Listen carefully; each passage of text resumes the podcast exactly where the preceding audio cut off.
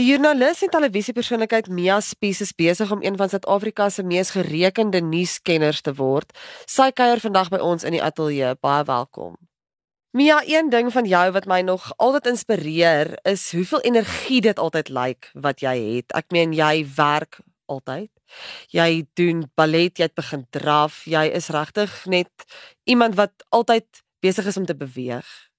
Sê net vir my waar put jy jou geesdrif vandaan? Wat is dit wat jou motiveer op dae wanneer jy miskien voel jou tank is 'n bietjie leeg? Ek dink is regtig ek leef my passie en my droom uit. So my werk is vir my nie 'n werk nie, dit is regtig 'n deel van wie ek is en wat ek is. Ek's nou 10 jaar 'n professionele joernalis en dit is regtig as jy in die oggende opstaan en jy kan doen waarvoor jy lief is, jy voel jy maak 'n verskil. En ja, dit is regtig vir jou lekker. Ek dink dan gaan ek ek word wakker in die oggende en ek het nou so 'n week van 5uur opstaan in die oggende. Dit het net toevallig so uitgewerk dat nou elke oggend 5uur opstaan is en jy word wakker met 'n glimlag op jou gesig want alles waartoe ek gaan en wat ek doen of ek nou die program opneem of nuus gaan lees op 'n radiostasie of hier by julle kom kuier, dit is regtig vir my verskriklik lekker. So ek hoef nooit energie te gaan haal eers of myself in die regte mindset te probeer kry nie want dit is regtig vir my so ongelooflik lekker en is regtig my voorreg om te kan doen wat ek doen. Soos wat ons nou hier sit, is Suid-Afrika in fase 6 beerdkrag en dit is genoeg om enige landsburger negatief te maak. Wat is dit wat jy positief ervaar oor Suid-Afrika en wat is dit van die land wat jou hier hou? Dink as ons eersins kyk na beerdkrag en die situasie waarin ons nou is. Ons is nou in fase 6 beerdkrag. Dit is 'n kragkrisis. Dit het 'n verwoestende impak op die hele land. Ek bedoel elkeen van ons, baie van ons kon nie vir oggend koffie maak nie, kon nie jou hare droogblaas nie. Dit is daai direkte impak op besighede. Dit kos mense ter duisende rande om byvoorbeeld 'n kragopwekker aan die gang te hou. Op die groter skaal is dit ander lande wat hier wil kom belê. Dit het nou weer impak op beleggings wat die land het. So dit het regtig 'n verwoestende impak op Suid-Afrika. Maar wat my dan hoop gee, dit is met soveel ander stories ook so is mense wat regtig verskriklik hard werk om oplossings te probeer vind. As ons nou die beerkrag voorbeeld gebruik, ek praat gereeld met Eskom se bestuurshoof Jan Oberholzer vir onderhoude en hoe daai bestuurspan werk. Hulle is nou so 3 jaar daar en mense sal sê, "Hoekom het hulle nie nou 'n verskil gemaak nie? Hoekom sit ons nie nou al sonder beerkrag nie?" Maar as mens direk met hulle gesels en jy hoor hoe hierdie mense werk, dit is 5 uur 6 uur in die oggend het die eerste bestuursvergadering, dan werk hulle reg deur. Dit is omtrent 7 dae per week wat daai Eskom se bestuurspan werk. So ek dink in baie aspekte is dit die negatief. Daar is baie foute in die land, maar as jy ook net kyk aan mense wat oplossings probeer vind, mense wat probeer bou en nie breek nie. Dit is regtig een van die dinge wat my positief hou. Op hierdie week se Wies nuus episode gaan ons natuurlik nog meer op die Eskom kwessie kyk. Ons kyk natuurlik elke week na 'n nuusmaker, so mense kan swaaf tussen die lyne lees wie gaan hierdie week se nuusmaker wees, maar dit is regtig vir my lekker om te weet daar is mense wat wil bly in Suid-Afrika. As ek jou vraag kan beantwoord of hoekom ek bly, daar was al geleenthede wat opgekom het om die land te verlaat. 'n Paar jaar gelede het ek by 'n kruispunt gestaan om te emigreer of om hier te bly en ek kon net nie emigreer nie. Ek voel regtig vir Suid-Afrika en veral ook ek werk in Afrikaans. Is dit vir my so lekker om te kan teruggee en terugploeg en een van daai mense wees wat 'n positiewe impak te kan hê. So ja, ek dink nie ek gaan binnekort die land verlaat nie. Dit voel regtig vir my of ek hier is vir 'n rede en of ek hierdie grootste verskil kan maak. En as jy miskien 'n goed voel storie wat onlangs in Suid-Afrika gebeur het, miskien wat jou na in die hart gelê het of wat jy kan onthou, kan uitlig, wat sal dit wees? Goedvoel stories is vir my so lekker om te vertel. Daai stories wat regtig wys hoe mense uitreik na mekaar toe en hoe hulle regtig 'n verskil wil maak. Een storie wat ek nou volg al 'n hele rukkie op die nuus is byvoorbeeld Ignite Kroonstad. Hoe dorpe en stede op hulle eie gaan en die mense sê ons gaan nie meer wag vir die regering om ons slaggate reg te maak of om ons bordjies reg te maak nie. Ons gaan self hier inspring en 'n verskil maak. En as jy deur die land ry, kan mens baie keer sien dorpe wat voorheen voorheen in verval was, hoe dit nou begin beter lyk. Ietsie soos 'n sypaadjie, hoe mense begin skoonmaak het. Hierdie naweek het ek op sosiale media gesien hier in Pretoria Moed, is daar 'n moedprojek.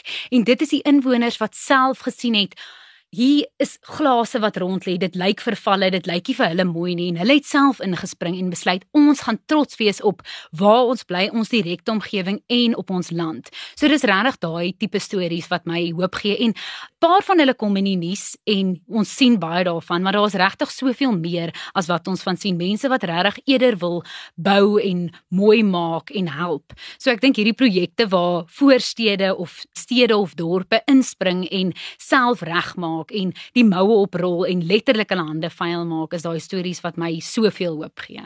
Jy is 'n hondemamma? Ja. Penny, my dogter is by die huis in die Kaap. oulike dogter. Baie oulik, baie baie stout. Dit is 'n optel hondjie, 'n rescue hond. So ek's baie passievol dat mense diere skuilings moet ondersteun en honde gaan red. My sussie is 'n veearts, so ons het altyd groot geword met sy het altyd 'n hond ook daar by die huis aangebring, honde, katte, voëls, hamsters. So daar was altyd diere om ons. En ek het regtig met haar werk geleer. Sy het vir jare lank by die DBV gewerk in die Kaap en hoe ek geleer het hoe honderde duisende diere daar is wat huise kort.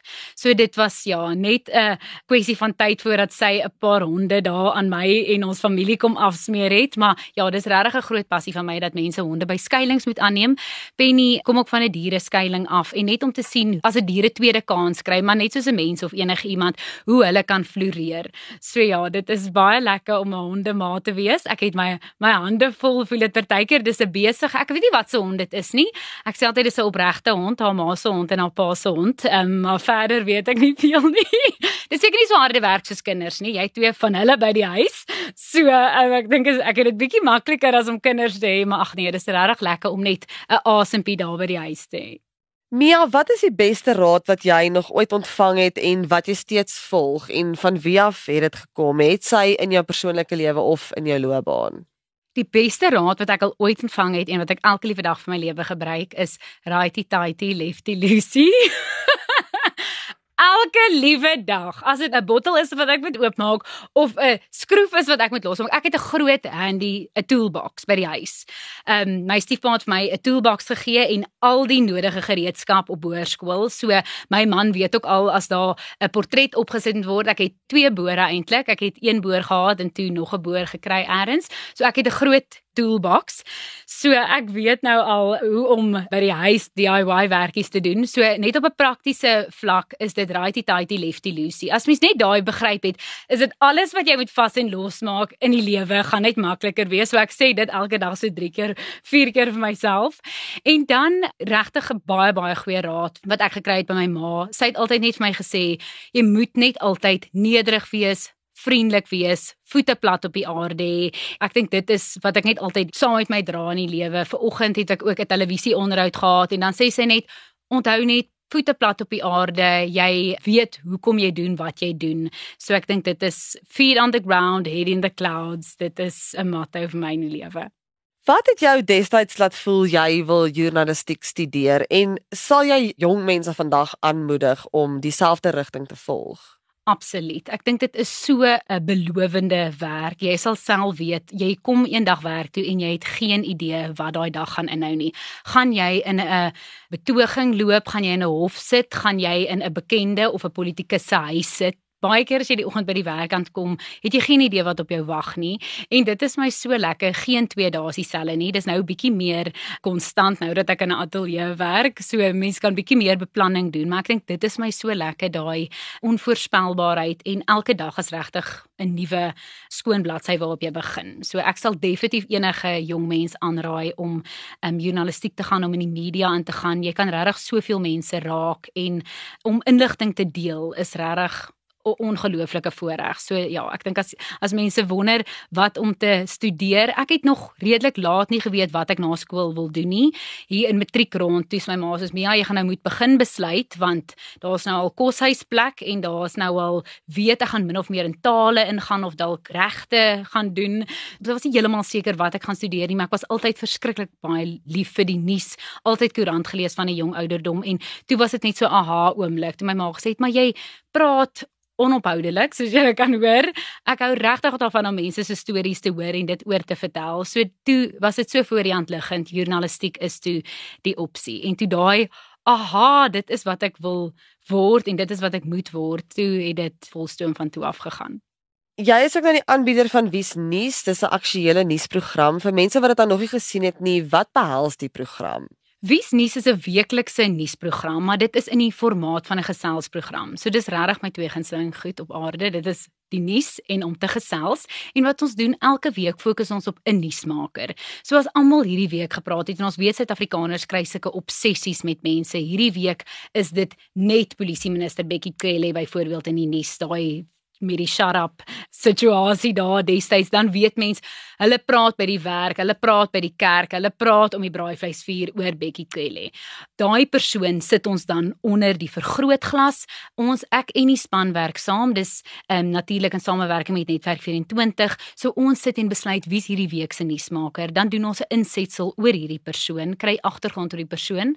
Dan is daar twee joernaliste wat saam kom sit en ons praat dan oor hierdie persoon en dit raak ook 'n groter kwessie aan, soos byvoorbeeld met minister Bekkie Cele was dit misdaad en polisieering en dan in die laaste deel van die program sluit 'n kenner dan by ons aan. So dit kan dan 'n polisieeringskenner of 'n misdaadkenner wees wat dan van die vrae wat ons nog het kan beantwoord. So dis regtig verskriklik 'n gemaklike geselstrand. Dit skuif bietjie die nuus agter die lesenaar uit. Ons sit in dit voel soos of dit my sitkamer is en is regtig net 'n lekker gesels, maar met mense wat baie weet. Daai joernaliste het al sommige van hulle jare, dekades lank 'n sekere kwessie gedek en hulle het regtig baie inligting en daai inligting wat jy nie noodwendig in 'n artikel sal sien nie. So daai ekstra bietjie die kleur wat hulle aan die storie sit. Hulle deel dit dan met my oor hierdie persoon en dan raak dit ook dit sit ook dan hierdie persoon in konteks of die hele kwessie kry mense dan 'n beter verstaan hoor.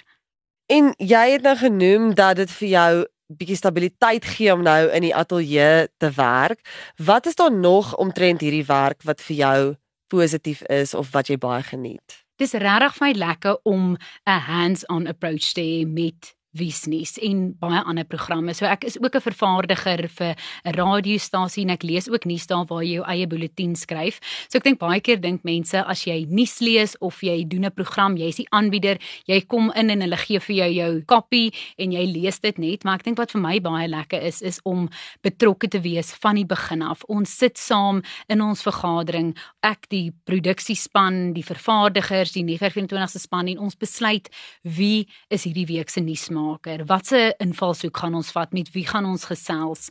Wat is die boodskap wat ons wil oordra? Wat is die groter kwessie wat ons wil belig? So dis regtig my lekker om nie net in eh, die aanbiederstoel te gaan sit en aan te bied nie, om ook navorsing te doen, om ook te besluit met wie praat ons, om met die joernaliste te gesels en te besluit watse vrae gaan mens vra om by die hart van die kwessie uit te kom.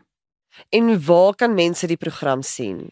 Wiesnies is elke donderdag aand 9uur op kyknet. Baie keer net vir die program dan kry ek 'n klomp boodskappe van mense wat sê hulle het beerdkrag, hulle kan nog gelukkig nie kyk nie.